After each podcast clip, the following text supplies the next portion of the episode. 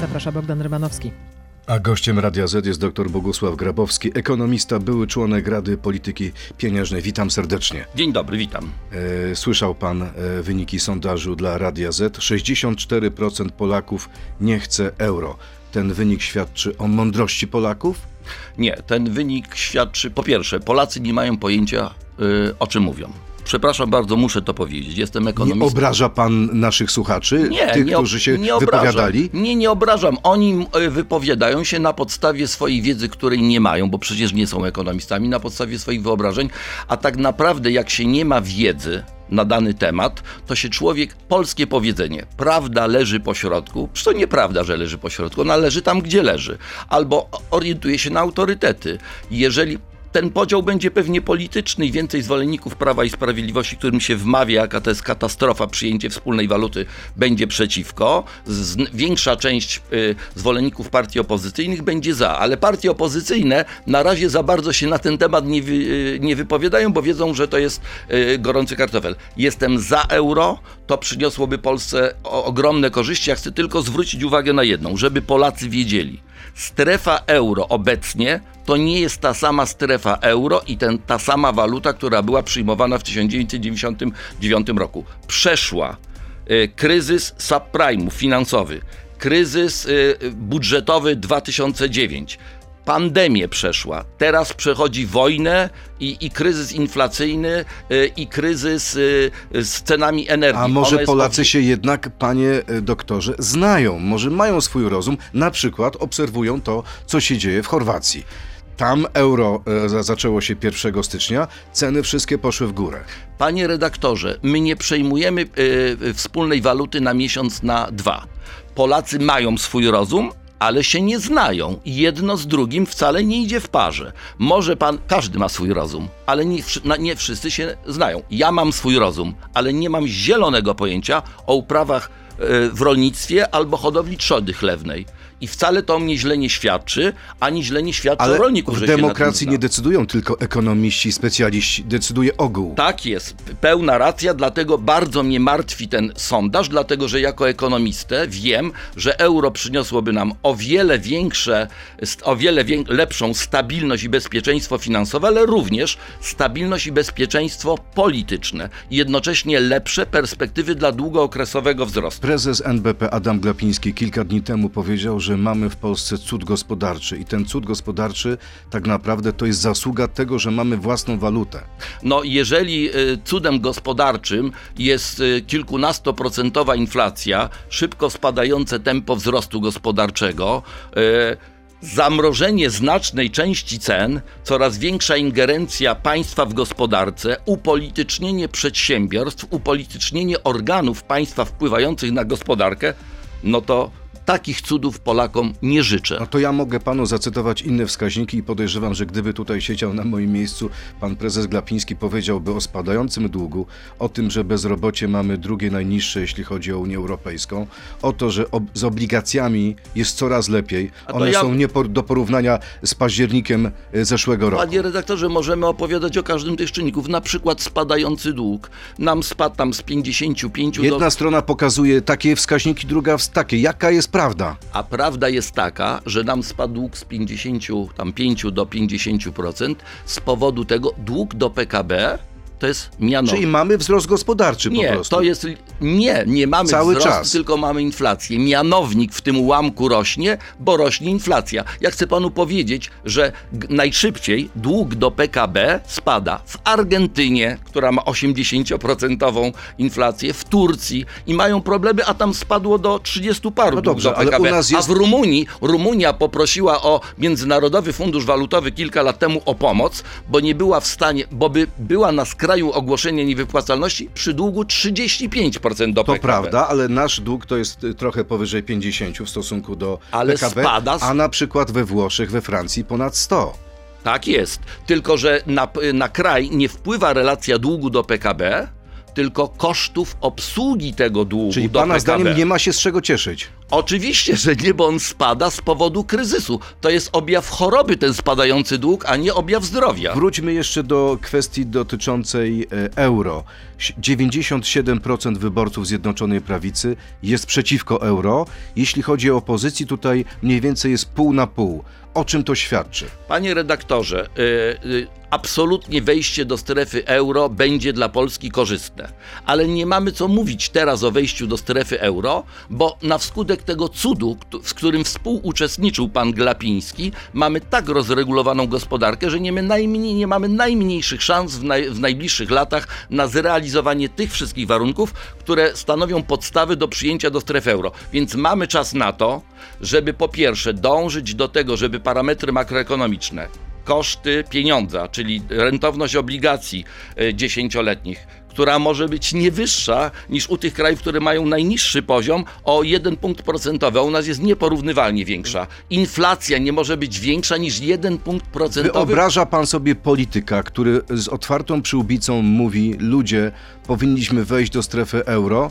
Wyobraża pan sobie polityka, który zmienia te wyniki? ale właśnie sobie nie wyobrażam i na tym polega katastrofa Polski. To znaczy, nie polityk jest po to, żeby realizował swój plan poprzez dojście do władzy. No przecież ogłaszając takie plany przy takiej opinii publicznej y, dos- y, nie, nie zdobędzie władzy. I na tym polega ta spirala narastającego populizmu. Czyli polityk, pana zdaniem, żeby dojść do władzy, nie może mówić prawdy ludziom. Oczywiście, że w pewnym momencie nie może mówić, na tym polega ta spirala I co, ma kłamać, ma manipulować, ma Nie, stosować nie. socjotechnikę? Ma, prze, przede wszystkim to jest tak. Proszę popatrzeć, jak działa spirala populizmu. Populizm upada. Populizm upada nie w, nie w walce, nie przegrywając z racjonalnymi argumentami, tylko doprowadzając poprzez populistyczną diagnozę i implementując populistyczną e, terapię, doprowadza do takiego kryzysu, że ludzie dopiero na faktach przecierają oczy ze zdumienia, do czego ten populizm doprowadził, i wtedy dopiero zaczynają słuchać racjonalnych argumentów. Natomiast dopóki do tego nie dojdzie, czyli dopóki Polacy kryzysem, który wynika z tego populizmu w gospodarce, który nam zafundował PiS. On jest dodatkowo wsparty drugim y, y, tragicznym elementem, czyli autorytaryzmem. Dopóki na własnej skórze nie doświadczą skutków tego populizmu, racjonalne argumenty będą trafiały, ale do mniejszości. W wywiadzie dla Plusa Minusa powiedział pan, e, skoro Tusk może zdobyć władzę mówiąc A, a mówiąc B nie, to powinien mówić A. Na pytanie pani redaktor Elizy Olczyk, ale co ma powiedzieć po wyborach, pan odpowiada, niech sobie wymyśli, co ma powiedzieć, od tego są różne socjotechniki. Wie pan, jak to zostało odczytane? Że żeby wygrać wybory, trzeba być stuprocentowo cynicznym i kłamać. Panie redaktorze, rok 2015. Kandydat na prezydenta Andrzej Duda. Co mówi? Niech mi nikt nie powie, że nie da się przewalutować kredytów frankowych po kursie udzielenia. Każdy mówi, czy pan zwariował? Przecież to są dziesiątki miliardy strat dla sektora bankowego załamanie. Parę miesięcy później Jarosław Kaczyński. Stopę inwestycji zwiększymy do 25%. Nasz program inwestycyjny to bilion 300. 300 tysięcy mieszkań. Już nie będę mówił o tym, uratujemy sektor stoczniowy. Y, i ta pierwsza stępka była y, przykładem. Pojechał do, y, do Sanoka, uratujemy fabrykę autobusów A czy dzisiaj tak opozycja ma coś takiego, co miał wtedy Duda i Kaczyński? Opozycja ma dzisiaj najlepszy program, jaki można sobie poprzeć. Dokładnie tak. dlaczego Polacy tego nie widzą? Dokładnie taki program, jak miał Komitet Obywatelski Lecha Wałęsy w 1989 roku. Ten program to przywrócenie demokracji, wolności mediów, praworządności, odpolitycznienie przedsiębiorstw z udziałem Skarbu Państwa i zmniejszeniem roli państwa w gospodarce. Ba- Obajtek i Orlen ostatnim przykładem, do czego to prowadzi. Czy pan chce Nie mieć... pochwali pan prezesa Obajtka za to, że stabilizuje ceny na Ja pochwalił. stacjach paliw? Ja bym go, gdybym mógł, wyrzucił na zbity pysk następnego dnia. Dlaczego?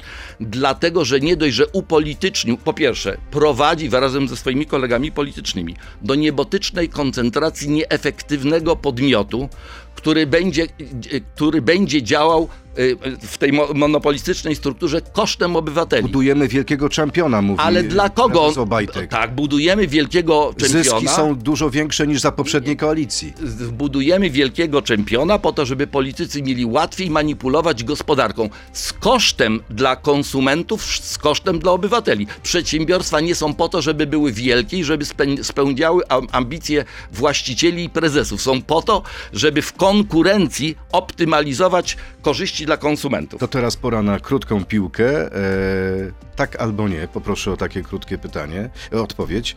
Jaką władz, jak władzę przejmie opozycja, benzyna będzie po 5 zł, tak czy nie? M- Nie wiem, trudno powiedzieć. Nie. Nie. Polski nie stać na tak rozbudowane programy socjalne, trzeba je ograniczyć. Tak. Ludziom trzeba mówić prawdę. Wydłużenie wieku emerytalnego jest nieuniknione, tak czy nie? Tak. Jeśli PiS zdobędzie trzecią kadencję, czeka nas druga Grecja, tak czy nie? Tak. Jeśli chodzi o inflację, przydałby się nam drugi plan Balcerowicza, tak czy nie? Y, Plan Balcerowicza nie wpływał na inflację. Wpływa, przydałaby nam się druga kadencja Bogusława Grabowskiego w Radzie Polityki Pieniężnej. A więcej na temat drugiej kadencji Bogusława Grabowskiego w części internetowej zapraszam Państwa do internetu na Radio ZPL, Facebooka i YouTube. To jest gość Radia Z. To wróćmy jeszcze do sprawy Orlenu, do sprawy tych cen, które płaciliśmy.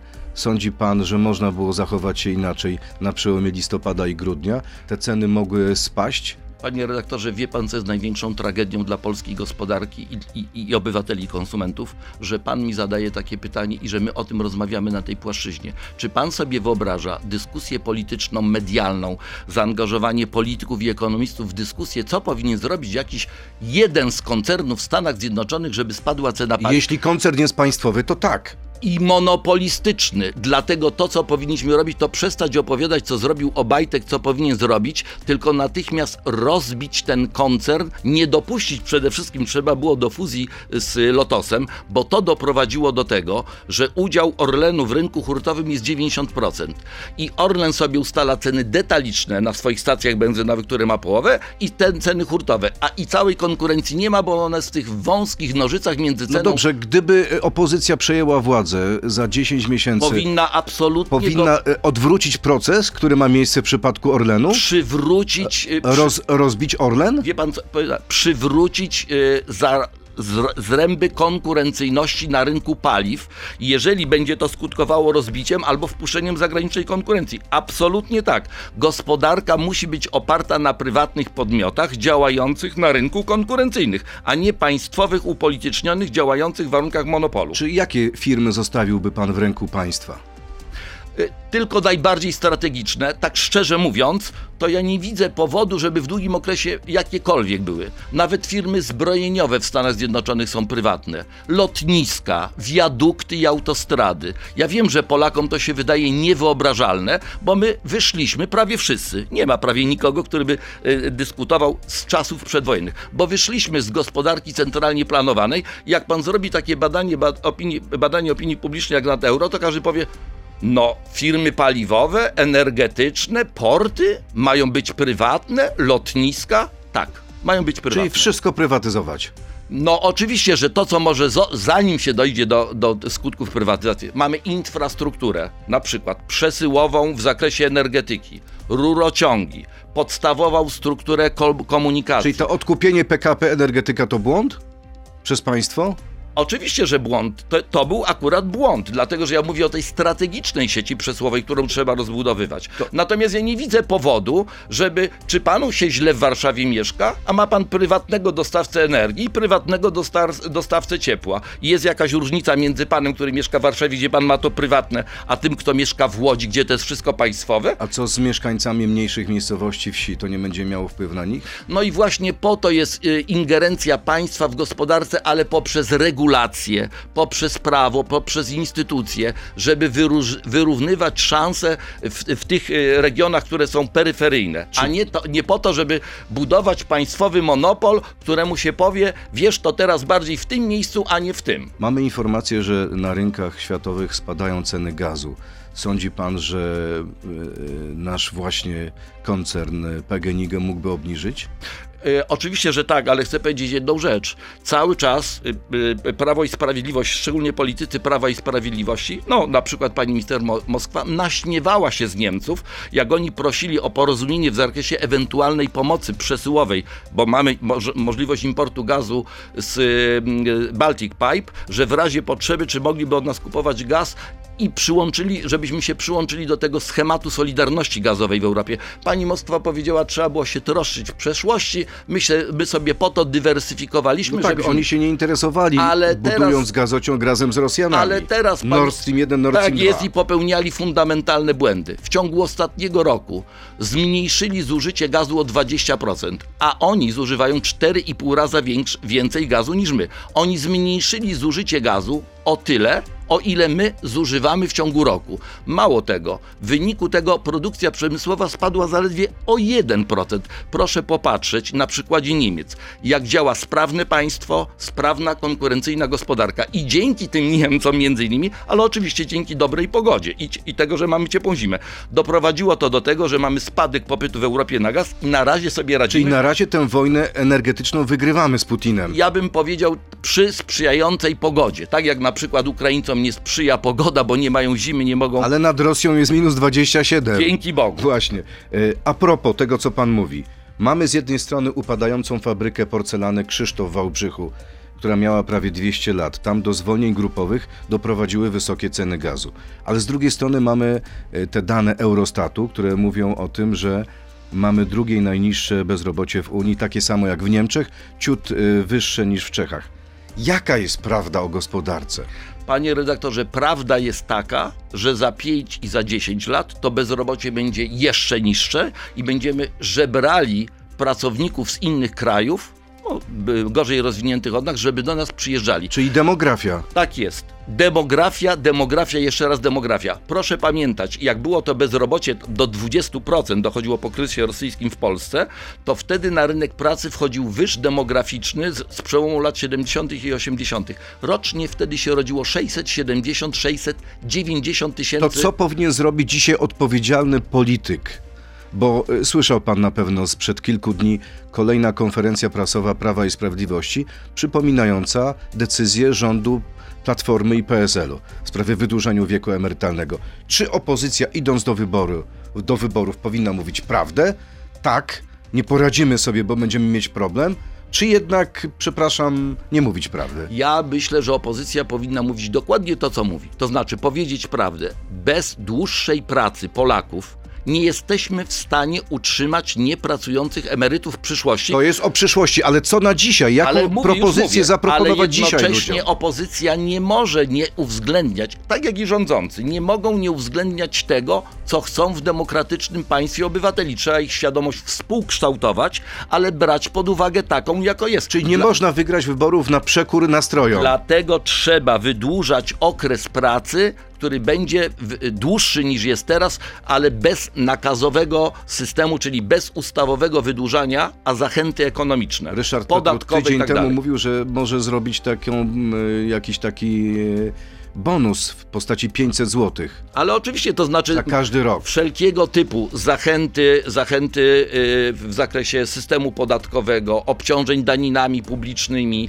ustawicznego kształcenia, przekwalifikowania itd. Czyli zachęcać Polaków do dłuższej pracy i uświadamianie im. Zresztą oni sobie sami uświadomią. Uświ- Proszę zwrócić uwagę, że najlepszą świadomość dostaje się y, y, y, sytuacją ekonomiczną. Pan sobie wyobraża, jakie będą za 5, za 10 lat emerytury, a za 20, szczególnie u kobiet, które pracują, bo my mamy nie tylko krótszy wiek przechodzenia na emeryturę, ale później wchodzimy na rynek pracy. Przecież teraz ponieważ ponad 50% ludzi ma wyższe wykształcenie, to na rynek pracy nie wchodzi się w wieku 16-15 lat, tak jak to było 30 lat temu, tylko ponad 20 lat. Czyli- Czyli, pracujemy o wiele krócej niż pracowaliśmy dalej. W tym kontekście e, uchodźcy z e, Ukrainy nie są zagrożeniem, tylko korzyścią Ale oczywiście, gospodarki. proszę zwrócić uwagę, no tak, ale oni już wyjeżdżają, to znaczy wchłonęliśmy prawie 400 tysięcy dodatkowych pracowników po rozpoczęciu wojny, ale sto kilkadziesiąt tysięcy już z tego rynku naszego pracy się wycofało i wyjechało. Już 5% w- y, składek do ZUS-u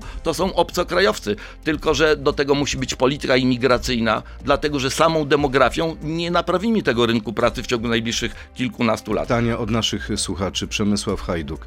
Czy szanowny pan Bogusław Grabowski ma trzy złote recepty dla obecnej opozycji na gospodarkę po jesiennych wyborach, zakładając, że lewica będzie chciała realizować programy socjalne jeszcze bardziej kosztowne niż obecny rząd?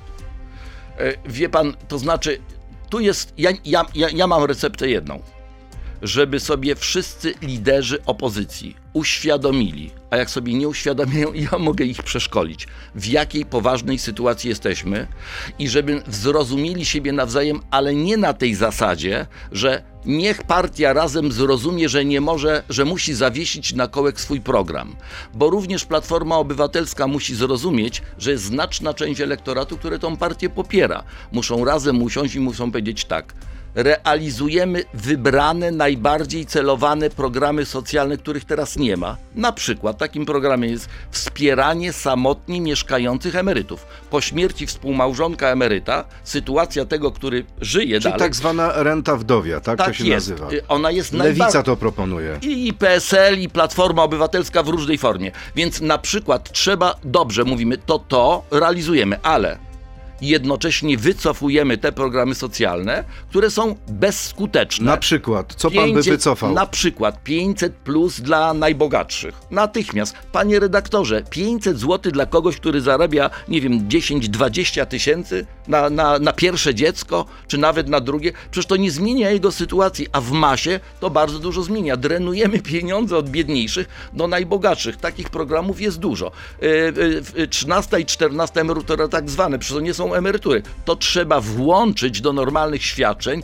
normalnie indeksować, a nie pokazywać takie polityczne wziątka na zasadzie zbliżają się wybory, tak jak robi Prawo i Sprawiedliwość, no to w sierpniu albo wrześniu wypłacimy tą tak zwaną czternastkę. Czyli rozumiem, że pan by tę trzynastkę i czternastkę e, rozłożył Włą- na te 12 poprzednich. Oczywiście, Kolejne pytanie. bo to jest odpolitycznienie systemu emerytalnego. Damiano Damiani, y, czy jest pan za likwidacją gotówki i wprowadzeniem pieniądza cyfrowego z datą ważności? Nie, absolutnie nie. Jestem, jestem za tym, żeby. Ale to nie w Pol widzi pan, jakbyśmy weszli do strefy euro, tam się przygotowuje pieniądz cyfrowy, cyfrowe euro, ale takie, które wprowadza bank centralny, to samo zresztą robią inne y, czołowe kraje świata. I co będzie za lat 20? My będziemy konkurowali na rynku pieniądza cyfrowego, ale nie kryptowalut. To jestem za tym, żeby to rozwijać, bo nie można się przeciwstawiać również w polityce pieniężnej dostępnej technologii, ale absolutnie nie za tym, żeby wy, wycofać pieniądz gotówkowy. Czyli gotówka to swego rodzaju podstawa naszej wolności? Ona zawsze była i zawsze będzie. Obrót gotówkowy y, gwałtownie spada. On też spada ze względu na to, że cyfryzuje się y, obrót towarowy, tak? Coraz więcej towarów kupujemy w internecie, tam się gotówką nie płaci. Wolność to prawda. y, Czy dla rozruszania zastoju w nieruchomościach i w kredytach nie lepiej jest teraz obniżyć radykalnie stopy procentowe do poziomu 3%, co spowoduje zwiększenie zdolności kredytowej ludzi, mniejsze raty i zablokuje gigantyczne bezrobocie To wśród jest- pracowników budowlanki? To jest typowy przykład stawiania woza, wozu przed koniem. Trzeba obniżyć inflację, która umożliwi to, żeby stopy procentowe były niskie. Ja byłem w Radzie Polityki Bieżnej, która doprowadziła do gwałtownego obniżenia inflacji w ciągu 6 lat. Ja jak szedłem z rodziną na cmentarz, to mi rodzina mówiła idź przed nami 20 metrów, bo mnie wszyscy wytykali palcem. Mówili, że doprowadziliśmy do gigantycznego bezrobocia, aprecjacji waluty, załamania handlu zagranicznego. Bóg wie jakie brednie. I co? I dzięki temu mieliśmy później inflację dwuprocentową, niskie stopy procentowe. Setki tysięcy, miliony ludzi mają własne mieszkania, założyli rodziny, mogą mieć dzieci w tych swoich własnych mieszkaniach, nie mieszkają razem z teściami. Właśnie dzięki temu, że w tym okresie doprowadziliśmy do niskiej, do niskiej inflacji. Najpierw trzeba zwalczyć tą hydrę inflację, a za tym wszystko pójdzie o tym, o czym pan mówi. Co pan myśli o planie, o którym mówi prezes Glapiński, o prognozach? Ma być podobno tak, że na przełomie kwartału pierwszego i drugiego ta inflacja ma się zatrzymać, ma osiągnąć szczyt i zacząć spadać. Czy pana zdaniem realne jest to, żeby pod koniec roku inflacja spadła poniżej 10? Y, Moim zdaniem nie, ale zaraz powiem o co chodzi. Y, Inflacja to jest nadwyżka popytu nad podażą. My mówimy o jednym z mierników inflacji, jakim jest wskaźnik towarów dóbr i usług konsumpcyjnych, te słynne CPI, ale on jest na poziomie 16,6. Na przykład inny miernik tego zjawiska, inflacja, jaką jest inflacja bazowa, to jest 11 z kawałkiem. Na tą ogromną rozbieżność wpływają czynniki podażowe, na przykład ceny paliw i surowców. One mogą spadać, chociaż zobaczymy, co będzie z gazem za rok, tak? Bo on na razie tanieje, nie wiadomo, czy będzie tak za rok, bo w Europie będzie brakowało gazu. Więc ta inflacja będzie spadała, po pierwsze, z czynników statystycznych. Odnosimy tą inflację w tym roku do bardzo szybko rosnącej inflacji z poprzedniego roku. Na przykład w styczniu w tamtym roku, w ciągu miesiąca, ceny wzrosły o 1,9. Jeżeli w tym roku w styczniu wzrosną trochę mniej, to roczny wskaźnik inflacji spadnie. Czyli proszę wyobrazić sobie, w ciągu roku, na, w ciągu miesiąca ceny wzrosną o 1,5%, a my. To jest bardzo szybko, a my będziemy zadowoleni, że roczny wskaźnik y, y, spadnie. To jest taki statystyczny gadżet. I druga rzecz jest taka, że może się zmniejszać ta dysproporcja między tą inflacją CPI a tą bazową. Natomiast nie ma żadnych czynników na razie, ani w polityce pieniężnej, która jest łagodzona od paru miesięcy, ani w polityce fiskalnej, która jest łagodzona. Pan by podnosił stopy procentowe? Ja o, przy stopie procentowej 6,75 nie ma możliwości zrealizowania celu inflacyjnego 2,5% w ciągu najbliższych 2-3 lat. Jeżeli ktoś tak mówi, przepraszam bardzo, że to powiem, to bredzi. Przepraszam bardzo, czyli wszystkie prognozy Narodowego Banku Polskiego to brednie? One nie są bredniami i musiałbym tutaj mechanizm wytłumaczyć. Żeby pan prognozował, to musi pan przyjąć pewny kształt funkcji matematycznej, która łączy punkty z danych statystycznych po to, żeby pan prognozował. Przeważnie kształtem ten fun- funkcji jest funkcja logarytmiczna. Jak ktoś pamięta z liceum kształt funkcji logarytmicznej, ja wiem, To że wszystko bardzo skomplikowane ale chodzi jest. o to, że z, ze sposobu prognozowania inflacji w Narodowym Banku Polskim wynika, że ta inflacja będzie spadała też z metody. Metoda Czyli prognostyczna wszystko zależy od założeń, i, które się przyjmie i metody, którą się stosuje. i ten, To który... teraz konkretne pytanie do pana, żeby nasi słuchacze e, e, troszeczkę może optymizmu. Kiedy ceny żywności zaczną spadać i od czego to zależy? Jakie są pańskie przemyślenia? To znaczy, jeżeli chodzi o ceny żywności, to mamy tutaj bar bardzo skomplikowaną rzecz, bo na przykład teraz mamy, cieszymy się, że mamy ciepłe, ciepłą zimę, ale też czynnik, który doprowadzi, może doprowadzić, jak to dłużej będzie trwało, do wzrostu cen żywności, no bo padają nam oziminy. A oziminy zboża to też pasze, tutaj się później na cykl świński e, Na razie i bardzo tak dobrze idzie nam z cebulą. Podobno na zachodzie i w innych krajach europejskich No słabo obrodziła, a my jesteśmy potentatem. Jeden Może z- zarobimy na tym. Jeden z posłów PiSu powiedział, że inflacja spada, bo mu pietruszka taniała. No ale be, jak, już przestajemy To żartować, coś optymistycznego dla ludzi. Kiedy będziemy tanie, y, płacić mniej? Mniej, nie, mniej na pewno nie będziemy płacić. Najwyżej może spowolnić tempo wzrostu inflacji, tylko następna rzecz statystyczna. Jeżeli mam tempo wzrostu i jeżeli inflacja jest e, e, e, 50% i mi ceny wzrosną z 20 do 30, to później jak to spada do z 50% do 40, no to najpierw mi ceny wzrosły o 10, z 10 do 30, a 40% do 30 to jest 12. Czyli my będziemy chodzili w sklepie, widzieli nominalne, coraz większe wzrosty, że bułka zdrożała w ciągu tamtego miesiąca o 30 groszy, a teraz o 40, a z telewizji się dowiemy, że spada wskaźnik inflacji. Rozumiemy. Niestety, ale ludzie muszą sobie też przypomnieć podstawowe zręby Nie, matematyki. nie zostawia pan suchej nitki na obecnej władzy. Tylko jest pytanie następujące. Pamiętam, że niedawno Adrian Zandberg powiedział, że jeśli ktoś myśli, że jak my przejmiemy władzę, stanie się cud, to się myli. No, jeżeli pan e, Andria, Adrian Zandberg sam by przejął władzę, to ma rację. Czyli co? No to, to, to by cudu nie było, na pewno. Ale będzie może współkoalicjantem. Panie redaktorze, my jesteśmy teraz na równi pochyłej w zakresie funkcjonowania państwa, demokracji, gospodarki i przyszłości rozwojowej Polski. Przejęcie władzy od PiSu daje gwarancję, że ten spadek po tej równi pochyłej się zatrzyma. Natomiast to, żeby ludzie odczuli poprawę, to jest dużo działań i w praworządności, i w gospodarce, i w odbudowie instytucji. To nie będzie tak na pstryknięcie Czyli palcem. ile? Miesiące, lata? Znaczy na pewno po przejęciu władzy przez opozycję to będzie miesiące, bo sam fakt, że się przestajemy staczać, rynki finansowe to y, y, przyjmują do wiadomości i byśmy mieli na przykład wzmocnienie, tak jak KPO, wzmocnienie złotego nie dlatego, że ktoś tam będzie te, te opowiastki, że będziemy sprzedawali środki z KPO na rynku walutowym. Rocznie KPO to jest 4 miliardy dolarów, a dzienne obroty to jest 12 miliardów dolar, y, euro dziennie, więc to jest to jest, jak ja to mówiłem znajomy, to tak jakby sikać do Wisły i patrzeć na wodomierz, czy się podnosi stan rzeki. No nie, nie podniesie się, ale sama świadomość, że się nie kłócimy, że dostaniemy teraz środki inwestycyjne, że zaczniemy modernizować polską energetykę, rozbudować, rozbudowywać OZE i tak dalej, to już powoduje wzmocnienie złotego, spadek rentowności, bo wzrost zaufania i tak dalej, więc to się poprawi w miarę szybko, tak, w miarę szybko. Natomiast wyjście z problemów inflacyjnych to będzie teraz już lata trwało, niestety. To jeszcze na koniec poproszę o y, wyjaśnienie tego mechanizmu między BGK a Narodowym Bankiem y, Polskim. Co się dzieje? No, Panie Tylko krótko. y, Już krótko. To znaczy, to jest wiadomość naprawdę straszna.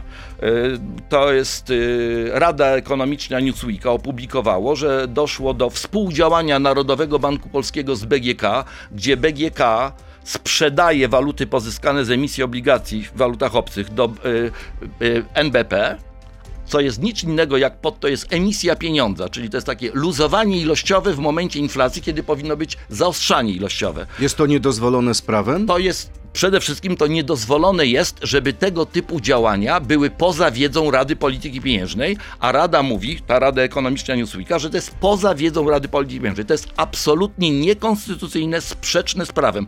To Rada Polityki Pieniężnej podejmuje decyzję o polityce pieniężnej. Ale jeszcze druga rzecz. Później te środki BGK odpożycza i interweniuje na rynku walutowym po to, żeby podtrzymywać kurs złotego, bo on powinien się Czy coś jest w osłabiać. tym złego? Tak, to jest zaburzanie mechanizmów rynku, to jest psucie gospodarki poprzez stymulowanie inflacji polityką pieniężną i polityką fiskalną, większym deficytem i zaburzanie pokazywania tego złego stanu zdrowia, interweniując na rynku walutowym i rynku y, stopy procentowej.